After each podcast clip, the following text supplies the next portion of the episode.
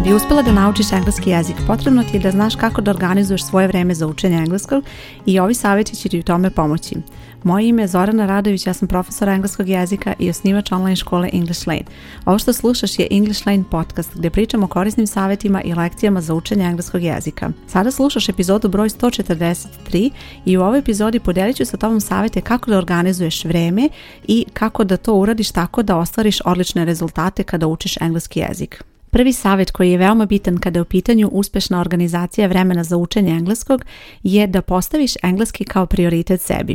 I sada kada kažem prioritet, nemoj misliti da je potrebno da imaš jako puno vremena za učenje engleskog jezika, Što više znam da mnogi nemaju dovoljno vremena za učenje i želeli bi da imaju više, ali misle da nedostatak vremena je prepreka koju ne mogu da prevaziđu, ali imaju u vidu da ako postaviš engleski kao prioritet sebi i kažeš sebi da ćeš da odvojiš to neko vreme, koliko god to vreme bilo, nekada će to biti možda samo sat vremena u toku jedne sedmice, nekada će to biti više, ali imaju vidu da ako shvatiš da je to tebi važno i da želiš da odvojiš makar i tih sat vremena, to je nešto što će ti pomoći da istraješ u učenju engleskog jezika i da imaš tu naviku da redovno učiš, a to je nešto što će ti pomoći da tvoji rezultati budu dobri i dosledni i da vremenom napreduješ kada je u pitanju engleski jezik. Imam i posebnu epizodu English Line podcasta o tome kako da učenje engleskog jezika bude tebi prioritet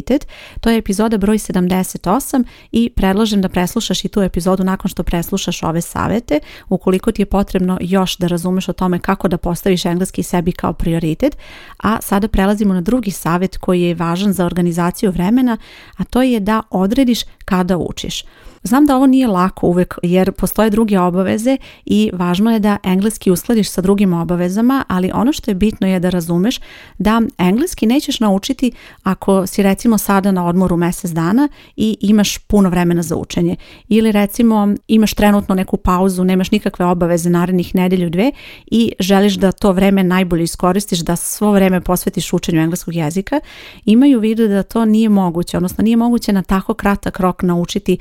sve provežbati, sve. Jednostavno moraš da razumeš da je potrebno da odrediš kada učiš engleski jezik u skladu sa svojim obavezama. Znači nemoj razmišljati o tim nekim privremenim situacijama, nego razmišljaj o situaciji kakva jeste i kako možeš uklopiti učenje engleskog u tvoje obaveze i kao što sam eto napomenula, nekada će to možda biti samo sat vremena, ali imaju vidu da je i to vreme važno kada je u pitanju učenja engleskog jezika i kada je u pitanju tvoja navika da istraješ, jer to je vreme koje si odredila sebi i to je nešto što ćeš ispoštovati bez obzira i na druge obaveze. Još jedan razlog zašto je važno da odrediš kada učiš engleski jezik je zato što će ti biti lakše da planiraš druge obaveze. Dakle, ako imaš neko vreme kada si planirala da učiš engleski jezik i kada znaš da želiš da se tome posvetiš, ti ćeš i sve druge obaveze planirati prema tome i nećeš u tom periodu zakazati nešto drugo i to je nešto što će ti pomoći da ne odustaneš tako lako. Jer ako nemaš taj, da kažem, termin, odnosno vreme kada ti želiš da učiš i kada znaš da ćeš moći da učiš,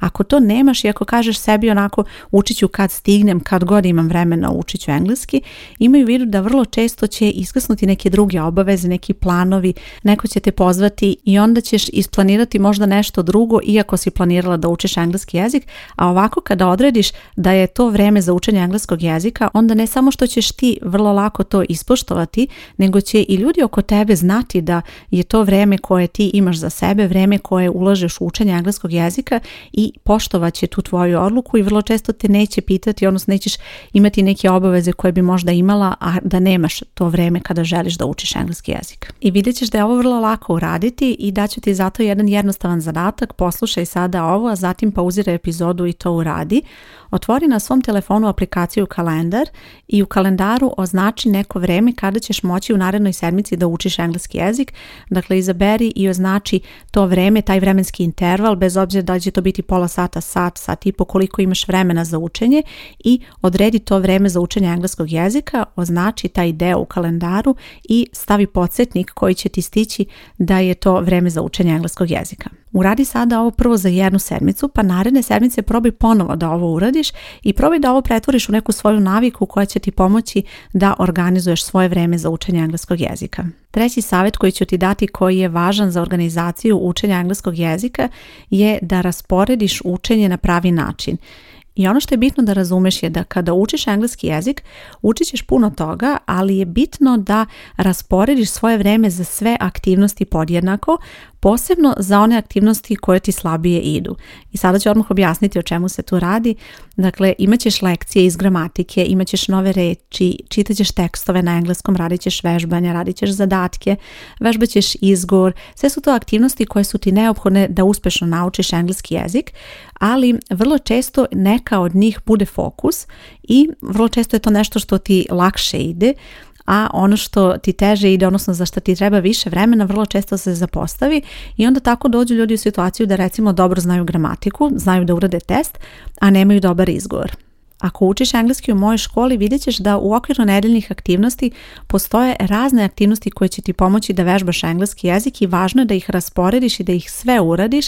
jer to je nešto što će ti omogućiti da sve vežbaš i da na ravnomeran način rasporediš to vreme koje imaš za učenje engleskog jezika i na taj način ćeš onda vežbati i gramatiku i učiti nove reči i vežbati izgovor i raditi zadatke, odnosno upotrebljavati engleski jezik. E sad, aktivnosti koje nam dobro idu, naravno da su aktivnosti koje vi više volimo da radimo, tako da ako radiš vežbanje, ako ti to dobro ide, e, vidjet ćeš da je to nešto što će te vući onako da radiš još više, a recimo ako ti slabije ide izgovor, to je nešto što će ti onako prirodno stvarati neku odbojnost, ali je vrlo važno da recimo ako ti ja pošaljem da u zadatku čitanja postoje neke nesigurnosti, da postoje reči koje nisi dovoljno uvežbala, vrlo je bitno da te reči uvežbaš dodatno i da se vratiš na njih i ne moraš vežbati ponovo ceo tekst i čitati ceo tekst, ali je bitno da se fokusiraš fokusiraš na ono što ti pravi problem, kada ti to postane problem, odnosno kada vidiš da nešto je problem, bez obzira da li je u pitanju izgovor ili može biti gramatika, mogu biti nove reči, odnosno njihovo značenje ili upotreba,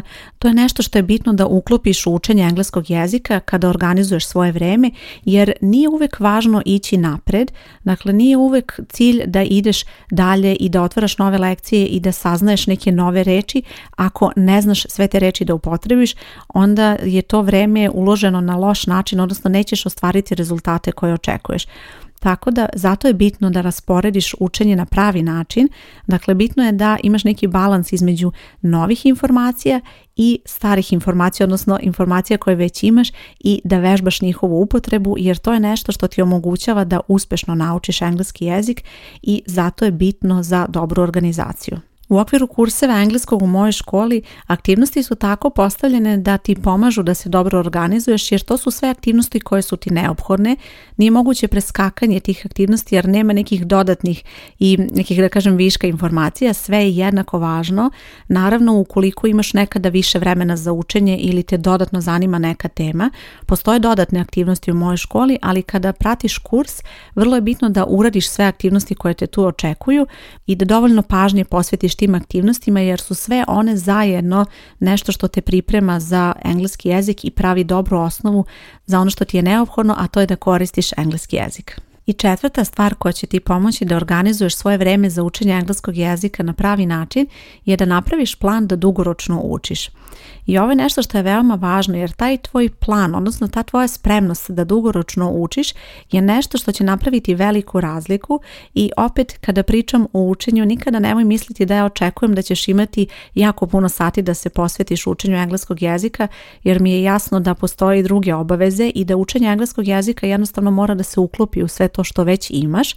ali je bitno da razumeš da jedino dugoročnim učenjem, odnosno tvojim dugoročnim zalaganjem i tvojim trudom možeš ostvariti dobre rezultate, a vidjet ćeš da će se to desiti mnogo brže nego što očekuješ, jer svaka sedmica koju provedeš posvećena tom cilju, odnosno svaka sedmica koju provedeš učeći engleski jezik, bez obzira, kažem, nekada će to biti sat vremena, možda samo nekada će biti 3-4 sata raspoređeno u toku jedne sedmice u skladu sa tvojim obavezama, ali sve ovo je nešto što te dovodi do tog cilja i što ti pomaže da učiš engleski jezik i da kad u jednom trenutku pogledaš i kada čuješ sebe kako govoriš, vidjet ćeš koliko ćeš iznenaditi sebe, vidjet ćeš da vreme leti i da recimo za nekih godinu dana, iako ti kada kreneš sa učenjem deluje to previše i da je to neki dug vremenski period, vidjet ćeš kako će to vreme proleteti i vidjet ćeš kako ćeš u tom periodu uspjeti da ostvariš zaista sjajne rezultate ako redovno učiš. I nemoj se brinuti, postoje situacije kada ćeš možda napraviti pauzu i nedelju dana i dve i tri nedelje čak,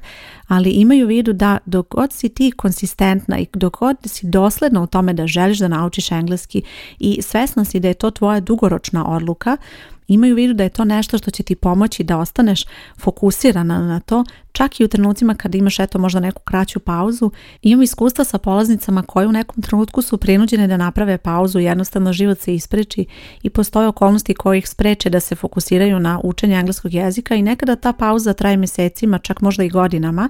ali i u tim situacijama vidim kada one žele da se vrate u učenju engleskog jezika koliko je zapravo važno da čak i u situacijama kada možeš manje da učiš, vrlo je bitno da ipak ostaneš koliko toliko u kontaktu sa engleskim jezikom, da ne izgubiš tu povezanost jer da nisu to uradili, da nisu napravili takvu distancu, bilo bi mnogo lakše sada da nastave kada je moguće da engleski bude zaista veći fokus nego što je to bio u tom periodu i zato je bitno da budeš tolerantna prema sebi jer bit će nekih pauza, bit će perioda kada ti je teško, kada ćeš se vraćati na neke lekcije nekoliko puta, ali u tom trenutku je bitno da budeš tolerantno prema sebi i da razumeš da je samo ta doslednost nešto što će ti pomoći da budeš uspešna u toj organizaciji i da nastaviš učenje engleskog jezika jer to je nešto što će ti pomoći da dugoročno ostvariš zaista sjajne rezultate. Ponekad dobijem poruku od polaznice u mojoj školi gdje mi ona pošalje poruku da nije uspjela da uradi modul koji je predviđen za jednu nedelju u okviru kursa koji pohađa, ali ono što treba da imaš u vidu da u tom trenutku da možda osjećaš neuspeh, ali uvijek imaju u vidu da je tvoj plan dugoročni, da dugoročno želiš da učiš engleski jezik i ako se ta jedna sedmica isprečila kada nisi mogla da učiš, kada nisi mogla da se posvetiš tome u dovoljnoj meri, imaju u vidu da već sljedeće sedmice možeš da nastaviš dalje, jer vrlo često nećeš moći da ideš uvijek napred i to ne onim tempom koji si možda želela i zacrtala sebi, već jednostavno razne okolnosti se ispreče, a ono što je bitno je da uvijek ostaneš na pravom putu i da ostaneš fokusirana da naučiš engleski jezik jer je to tvoj glavni cilj. I sada na kraju vidiš kako je učenje engleskog jezika zapravo jedan kompleksan proces Odnosno, ako želiš da organizuješ vreme za učenje engleskog, nije dovoljno samo da imaš taj plan, bez obzira da li je on kratkoročan i dugoročan, već je bitno da iskombinuješ sve, da postaviš engleski kao prioritet sebi, da odrediš kada učiš, da rasporediš učenje za sve aktivnosti koje su važne i naravno uvijek da imaš u vidu da je taj dugoročni plan, odnosno ta doslednost,